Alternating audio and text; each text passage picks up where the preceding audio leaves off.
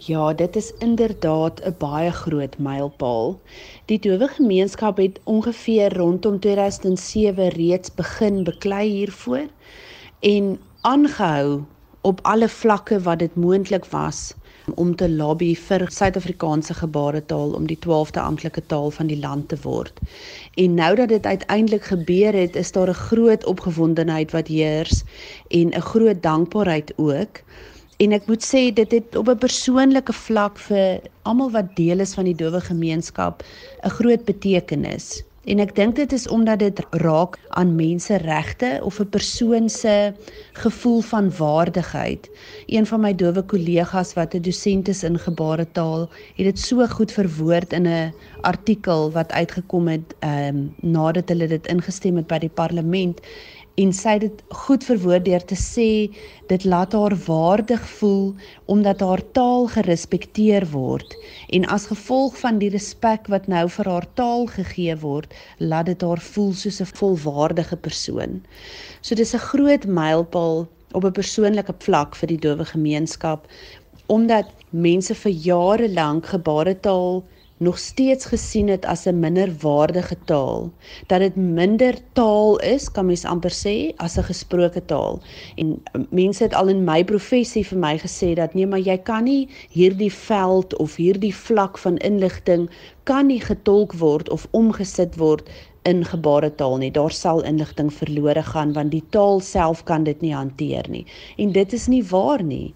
En nou dat gebaretaal 'n amptelike taal status bereik het, sê dit dadelik vir die algemene persoon daar buite, hierdie is 'n volwaardige taal op sy eie wat nie gekoppel is aan enige gesproke taal nie.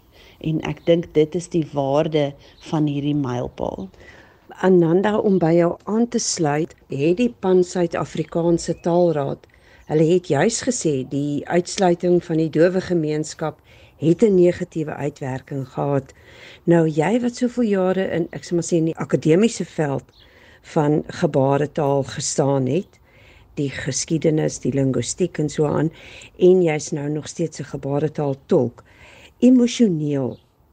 As jy nou ek weet jy is nou nie sielkundig nie, maar wat kon jy waarneem? Wat was die uitwerking op die dowe persoon wat wou kommunikeer? O, daar is verskriklik baie stories en en geskiedkundige feite en gevalle rondom hierdie kwessie. Ehm um, en dit is belangrik dat 'n mens ook met die dowe gemeenskap gesels hieroor omdat dit hulle persoonlike ervaring is en hulle eerste taal.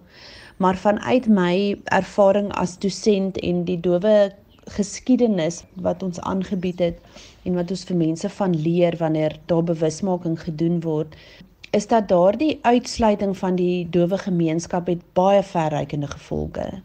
Voor 1994 byvoorbeeld in skole was dit teen die wet gewees om gebaretaal te gebruik. So dowe kinders wat op die skoolbanke gesit het, wie se eerste taal gebaretaal was en wat met mekaar gekommunikeer het in gebaretaal en vir wie alle inligting die meeste toeganklik is in gebaretaal, Hulle is geweier om gebaretaal te gebruik in die klaskamer. As hulle gevang is dat hulle gesaai het in die klaskamer gebare gebruik het, het is hulle gestraf. Hulle moes of hulle op hulle hande sit of hulle is geslaan op hulle hande. So van daardie tyd af is hierdie onderlangse boodskap die hele tyd gegee dat jou taal is nie reg nie, is nie goed genoeg nie, jy is nie goed genoeg nie. Hoorende mense is superieur en omdat jy doof is, kan jy minder doen, het jy minder waarde.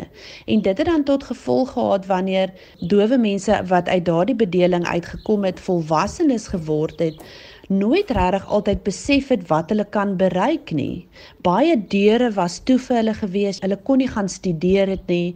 Jy kon met ander woorde net in handwerk tipe besighede ingegaan het, baie gesukkel om werk te kry ensovoorts ensovoorts en dan het dit ook daardie emosionele skade tot gevolg gehad dat wanneer dowe ouers horende kinders kry, wat in baie gevalle die geval is, het hulle selfs dan nou as volwasse dowes gedink dat die horende kind is dan nou ook superieur teenoor hulle.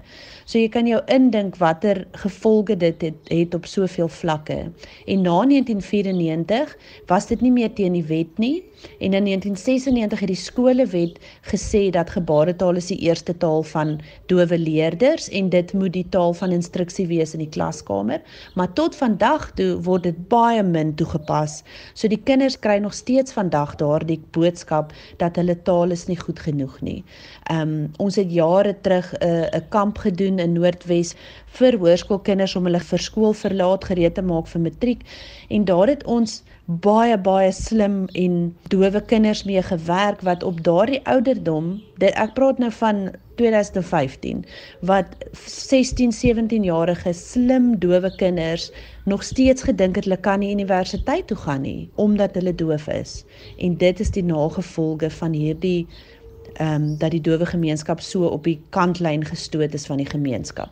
Ons gesels met Ananda van der Walt, voormalige dosent in dowe kultuur, geskiedenis en in gebaretaal linguistiek aan die Noordwes Universiteit. Deesdae is sy gebaretaal tolk en ons praat oor die feit dat die regering gebaretaal nou as 'n amptelike 12de landstaal erken en gaan implementeer. Maar Ananda, jy met jou jare se ervaring, die implementering van die besluit wat nou geneem is. Hoe sien jy dit ontvou? Defsa Weskaap se direkteur het dit goed verwoord dat daar gaan baie uitdagings wees aan die begin definitief. Want wat mens nou moet verstaan is mense wat 'n sekere gedagtegang gehad het oor dowe mense en gebaretaal, moet skielik daardie gedagtegang verander en nou anders dink daaroor en dis moeilik. En nou moet jy dit implementeer en implementasie hiervan op regeringsvlak of op in die private sektor het weer gevolge en dit het finansiële gevolge ensovoorts ensovoorts. So dis moeilik om te sê hoe dit gaan uitspeel, maar ek dink tog dit gaan mettertyd 'n positiewe verskil maak. Dit hang baie af van wat besighede bereid gaan wees om te doen en of mense gaan bereid wees om te luister na die dowe gemeenskap wanneer hulle na vore kom, bereid sal wees om in plaas van om dadelik te sê nee, ek kan nie 'n dowe persoon in diens neem nie, te gaan sit en te sê, "Oké, okay, kom ek vind uit eerstens by die dowe persoon wat belangstel, wat het jy nodig as jy hier sou werk?"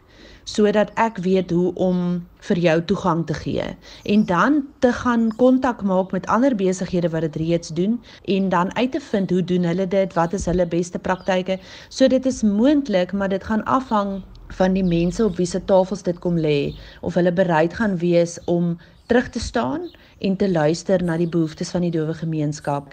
Nou Ananda, jy wat jy staan nou voltyds 'n uh, gebaretaal tolk is. Wat het jou in die eerste plek so sensitief gemaak vir die dowe gemeenskap in Suid-Afrika?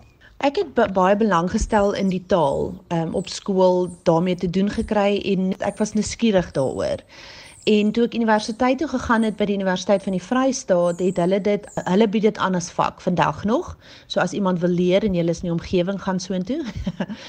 en van die eerste klas wat ek geloop het, was ek net versot geweest daarop. Die, die hele konsep dat jy 'n taal kan hê wat geen klank het nie en wat hierdie ongelooflike mooi bewegings taal is wat die spasie gebruik en jou hande en jou gesig. Dit dit is net vir my ontsettend mooi geweest.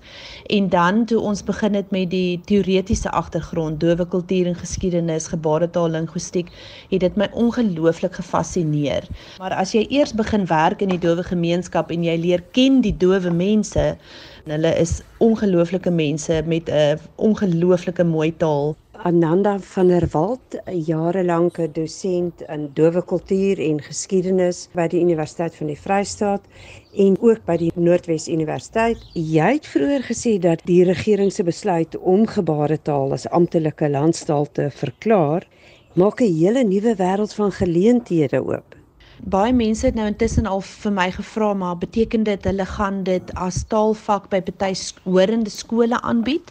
Ja, dis net meer bewus wees van die taal gaan maak dat meer mense begin dink maar dalk is hierdie iets wat ek kan gebruik in my professie. Daar's studente hier in die omgewing wat byvoorbeeld onderwys swat en dan sal gesels met 'n mens en sê maar as ek die taal magtig kan raak en ek gaan in remedierende onderwys in sal dit 'n verskil maak of iemand wat ehm um, arbeidsterapie doen ensovoorts ensovoorts. So daar's definitief geleenthede. Ek dink wat net baie belangrik is is dat hoorende mense moet onthou om nooit werksgeleenthede weg te vat wat eintlik by 'n dowe persoon hoort nie. En die dowe gemeenskap is juis die mense by wie jy gebaretaal wil leer.